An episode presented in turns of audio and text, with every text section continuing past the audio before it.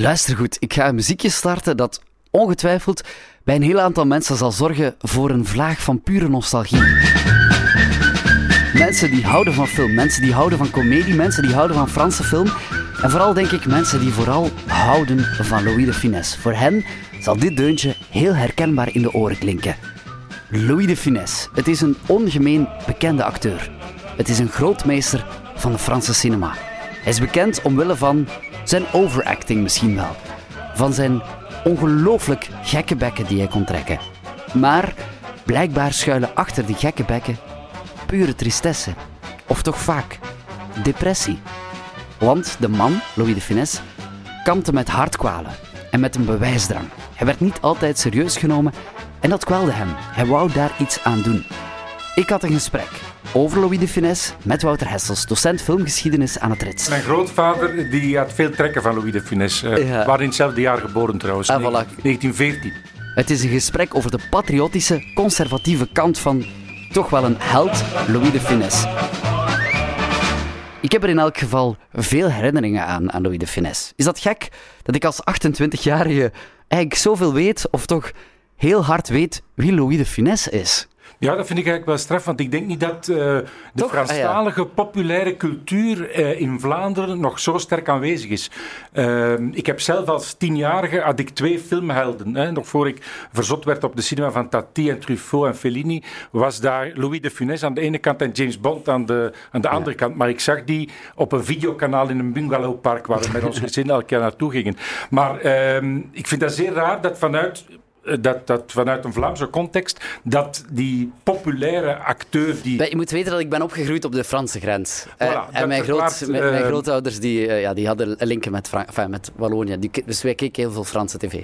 Ja, voilà. Dus die link moet er wel zijn, denk ik. Want anders eh Ja. er is nogal een scheiding tussen ook de Anglo-Saxische wereld, de, de, de- laten we zeggen de Vlaamse humoristen, Ja. of de, eh, de, de humoristen en komieken van de lage landen, en dan de, de typische Franse. En de Funès past in het rijtje natuurlijk van eh, Fernandel, eh, Ja. Remu en, en natuurlijk ook eh de Funès zelf, Ja. hè, die eh, zijn gloriejaren meemaakt tussen 64 en ja, tot hij sterft, hè, vroegtijdig, op 68-jarige leeftijd. Dat is meteen interessant 1983. wat je aanhaalt. Hè? Want je, we kunnen het misschien straks nog even hebben over de scheidingslijn, hè, wat je zegt tussen Nederlands en, en, en Franstalig. Maar hij is bekend geraakt met onder meer Les Gendarmes de Saint-Tropez, Rabbi Jacob, volgde ook nog La Grande Vadrouille, is, is de onvermijdelijke Louis de Funès film. Hij heeft in totaal meer dan 160 films gemaakt, toch wel schrikken. Eh, want dat is het interessante, hè? je zegt zijn, zijn gloriejaren, jaren 60, maar we hebben het daarnet al gezegd, hij is geboren in 1914. Dat is nog een, hele stuk, een heel stuk tussen. Hè? Wat Ja, heeft hij daartussen gedaan? Of hoe is dat gegaan? Ja, hij is dus eh, op zijn vijftigste is zijn carrière pas echt eh, doorgebroken. eh, met twee films, Pouic Pouic en de eerste Gendarme de Saint-Tropez, 1964, op zijn vijftigste. Hij heeft ehm, een jaar gestudeerd aan een, een filmtechnisch instituut. Hij heeft ook een, een filmtoneelopleiding gevolgd die hij niet heeft afgemaakt. En is met theater begonnen al in de jaren twintig als, als tiener, maar doorgebroken in het theater in de jaren veertig eh, eigenlijk. En dan, wat de film betreft, gaat hij heel veel eh figurantenrol, veredelde figuranten spelen. En dan stap voor stap eigenlijk eh, grotere rollen. En een, een belangrijke film daarin is La Traversée de Paris in 1956 van Claude Tonlara, waarin hij eigenlijk een, een, niet de, hoofdrol speelt, maar een, een, sterke bijrol naast Jean Gabin, le, La Grande Gueule du cinéma français. En aan de andere kant Bourville, waar hij twee van zijn grote films mee gaat maken, hè, Le Cornio en La Grande Vadrouille. La Grande Vadrouille, voilà. En dan schrijven we 66, 67. Dus 64 is eigenlijk dat doorbraakjaar. jong, dat hij... Dat hij, dat Maar hij 160 is, is ongelooflijk natuurlijk. ja, dat is 160 films gemaakt. En dat eigenlijk op redelijk korte ter, ter tijd, want hij is pas echt heel veel gaan maken eh, eens hij de 50 voorbij was. Ehm, dat, dat, plan, dat pad liep ook niet helemaal als gepland. Hij heeft een tijdje filmschool gedaan, is daarmee gestopt. En is dan eigenlijk een beetje de man van 13 stielen, en, of we zeggen 13 ongelukken en een stiel geworden. Hè. Het is van het een en het ander gestuikt. Ik, ik las ook dat hij pianist was en zo. Ja, Dat- maar hij heeft dus... Hij raakte natuurlijk... Hij wilde graag spelen, want hij wist dat hij talent had. Wa- was hè. dat hetgeen wat, wat hij altijd wilde doen, acteren? Maar dat lukte Ja, dat- kwam gewoon niet van de grond. Kwam niet echt van de grond, want je ziet dat er een heel grote ehm, kloof zit tussen zijn eerste optreden als, als kind of als, als adolescent en dan zijn doorbraak ook in het theater. Want hij is eerst begonnen eigenlijk als theateracteur met fantastisch stuk als uh, Oscar van Claude Magnier, wat hij ook in film heeft gebracht als, uh, als scenarist en als acteur. Maar um, hij heeft dus heel veel gewerkt, ook buiten de cinema, om geld te verdienen, want hij had ook een gezin te onderhouden. Uh, hij kwam zelf uit een gezin met drie kinderen, was de jongste. Heeft als etalagist gewerkt, heeft als decorateur gewerkt, heeft als boekhouder gewerkt uh, en ook als, boekhouder als pianist, pianist, in een bar, om ook maar geld... de grote Louis de Funès. En dan in de jaren 50 stap voor stap bijrollen spelen om dan uiteindelijk midden jaren 60, en dan is hij Ocharme, na, na een paar zware hartinfarcten. Uh, want hij was hartleider, hè? Hij was hartleider. Hij, heeft, hij is ook gestorven aan een hartstilstand, geloof ik. Ja, uh, dus in 75 denk ik dat hij zijn eerste dubbele hartinfarct uh, gedaan heeft. En dan moest hij het echt kalm aandoen. Maar uh, in het, het, filmpersonage dat hij speelde, ja. is hij de driftkikker, is hij natuurlijk de... Ik heb hem daarnet even nagedaan, het is altijd zo... Ja, zo het is de combinatie, wat ik altijd zeg, de funès um, um, van de visuele komedie, de fysieke komedie, maar ook de taalkomedie en natuurlijk alles van mimiek en gestiek hè, dat hij uit de kast haalt. Hè. En al die tic nerveus, uh, die ook wel op het systeem uh, in, zijn, in zijn lichaam ja. hebben gewerkt. Misschien, moeten we, misschien kunnen we het daar straks nog wat verder over hebben, maar je raakt het zelf al e- even aan. Misschien moeten we het kort al, al, al eventjes aanraken. Um, namelijk, als je kijkt naar Louis de Funès, als, als hedendaagse acteurs met, met, met die scholing daarnaar kijken, dan, dan zeggen ze dat is overacting. Ja. Dat is erover. Dat, Ja. is, dat is een soort van clowneske figuur die je neerzet. Het is, het is, een, het is een klassieke komiek, zou je bijna kunnen zeggen. Eh, je zou bijna kunnen zeggen, het is een beetje FC de kampioenen-achtig wat hij soms doet. Hij valt van het ene toeval in het andere. Ja, hij maakt zich, herhalingen. hij, voilà, hij maakt zich karikatuur. ja. kwaad. Maar toch is het, is het, is het zo'n groot acteur. Wel, ja, toch- het is, een heel- acteur en ja. hij is... ehm, in het Frans zeggen ze, il surjoue. Hè? Il surjoue. Dus hij, hij overdrijft en het is dat dat zijn handelsmerk natuurlijk is. En daarbij is hij echt, echt zeer Frans. Hij was ook trouwens een echte patriot. Hè? Hij, was heel, eh, hij was nogal rechts hè, qua opinies en- Ja. en, en de Gaulle-fan. eh, en nadien eh, ehm, eh, ja, echt de, de, ja, de, de eerder rechtse...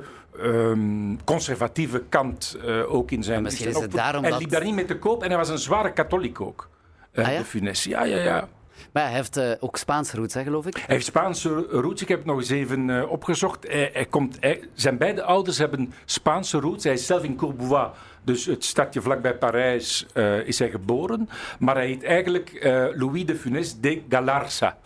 Eh, dus, eh, en zelfs zijn, zijn moeder, die blijkbaar het model stond voor die driftkikker die hij dan als Ja, persona heeft eh, uitgewerkt, had zelfs aristocratische afkomst. Kijk, oh, oké, ah. Louis de Funès, de. De is ook Ah, met kleine letter geschreven. En dan Ah, dat de Galarza. ja. Ja. Maar zijn impact is vooral, denk ik, in Frankrijk heel De groot. Hè? populaire Franse traditie is zeer bepaald geworden door, door Louis de Funès. Ja? Eh, eh, sowieso, ja. ehm, eh, in die zin zie je, zie je dat, dat iemand als Fernandel natuurlijk ook. Hè, dat zijn, ze hebben ongeveer, ik denk dat ze ongeveer tijdgenoten waren. In een tijd waar die, waar die Franse eh, comedy ook, in, zelfs in Nederlandstalig taalgebied, echt, ehm, echt effect en, en, en succes had. Hè, dat, dat is nu een beetje voorbij, dat merk ik zelf. Als ik spreek over de Franse cinema aan, aan Vlaamse studenten, dat ik niks meer kan tonen zonder eh, Nederlandse of, of Engelse ondertitels. Dus de, de Franse cultuur is, wat dat betreft, heeft aan kracht en aan, aan impact ingeboet. Zeker in onze contrée. Ja. Ik vind dat Ja, dat- jammer, omdat ik zeer francofiel ben, maar...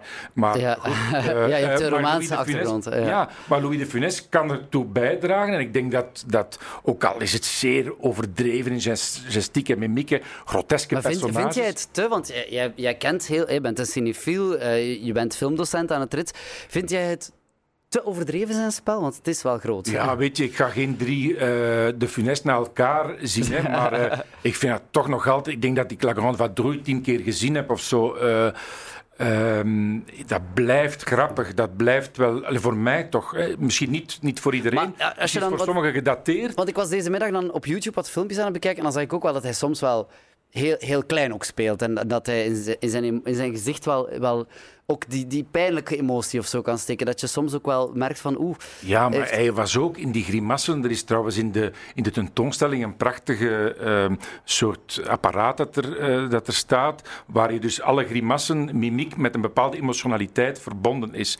En dan zie je. Uh, Louis de Funès uh, kwaad, Louis de Funès uh, met argwaan of met wantrouwen, Louis de Funès bang. En je ziet bij elke emotie hoort een bepaalde grimas. Ja. Hij was een mimische kunst, kunstenaar als geen was, dat was ook iemand die kampte met depressies, heb ik gelezen. Uh, dat, dat gaat dan een beetje schuil misschien achter dat, dat lachende. Hè? En dan, maar ik, ik, zeg dat vaak, um, de grote komieken, echte grote komieken, dan heb ik het al over Chaplin, dan heb ik het over uh, Max Landais, het grote model van Chaplin heeft uh, zelfmoord gepleegd. Chaplin komt uit de goot en heeft, heeft zich uit de goot opgewerkt. Keaton had een alcoholverslaving en, en uh, zware depressies. En blijkbaar Louis de Funès ook. Zeer gedeprimeerd. En uh, met daarbij dat, die, die, dat hartlijden. Dus dat, dat zorgde voor... De donkere voor, kant achter dat, dat, dat clowneske is heel ja, groot. Hè? ja. ja. En dan gaat de Joker de grote over. Komiek, ja. Achter grote viscomica zit, zit vaak uh, uh, tragiek. Was, was het een mak makkelijke man om mee samen te werken? Uh, ik heb één ding gelezen op een bepaald moment, dat had met zijn politieke opvattingen te maken. um, dan uh, zijn tweede vrouw, die heel lang geleefd heeft, die meer dan 100 jaar geworden is, die moest ervoor zorgen dat er geen communist in de, in de cast en de crew zat. Uh, maar voor de rest vond de Funès uh, dat hij met zijn politieke opvatting niet te koop moest lopen. Hij was maar een acteur. He, maar je ziet wel die ambitie van de Funès, en dat zie ik in de fantastische film L'Avare naar het stuk van Molière, dat hij, ondanks die populariteit, dat hij toch serieus wilde genomen worden. Hè. En hij wilde ook een film zelf, uh, zelf het scenario schrijven ja, en uiteindelijk zelf een film regisseren. Dat heeft hij ook gedaan. Ja. voilà. Dus voor mij is Lavare de top film voor, uh, van de. Maar dat is wel gek inderdaad. Hè. Hij heeft dat, dat, dat komieke dat een beetje aan hem kleefde, maar hij kampte daar ook wel wat mee dat hij toch ook wel ernstig ja, genomen die... wou worden. Van, vandaar ook misschien dat, dat donkere kantje, de ja, depressieve kant. en hij wilde niet puur de amuseur zijn. Uh, en als je 17 miljoen, hè, met La Grande Vadrouille, 17 miljoen Fransen die naar die film zijn komen kijken, dat schept verwachtingen. En dan moet je aan die, aan die verwachtingen tegemoetkomen. Dat is niet evident. Hè. Het is een, een waanzinnig interessante figuur, Louis de Funès, denk ik. En zeker gaan kijken naar... Uh, en wel, tot 16 uh, januari loopt ze nog bij ja. Cinema Palace. Uh, onder meer dus over de grimassen. En je kan ook uiteraard naar een heel aantal films gaan kijken. Het plan is dat jij ook nog een film zal inleiden. Dus dat wordt dan ook uh, duimen en vingers aflekken om al jouw verhalen te horen, Wouter Hessels. Ik ga dat in twee talen doen. Hè. In ja? het Nederlands en in het Frans. En ah, misschien dus... een stukje Spaans erbij. Ja. met die roots, die Spaanse roots. Misschien nog, nog heel snel een, een klein vraagje om af te sluiten. Was hij eigenlijk behalve Frankrijk heel bekend in de rest van de wereld? Kennen Amerikanen Louis de Funès? Amerikanen niet zo goed. De enige film die echt goed gescoord is, is Les Aventures de, de Rabbi Jacob ja, ja. uit 1973. Hè. Maar in Rusland moet hij zeer populair geweest zijn en nog altijd zijn misschien. In Rusland, ja. Uh, ja. Ook daar dan. Ja, het heeft misschien te maken met zijn conservatieve gedachtegoed. Wie zal het zeggen?